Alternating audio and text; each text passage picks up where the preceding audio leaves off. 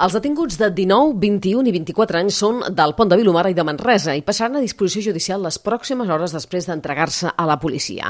Els fets van passar la matinada de dissabte a diumenge a un polígon industrial d'Artés on s'hi feia un botellot.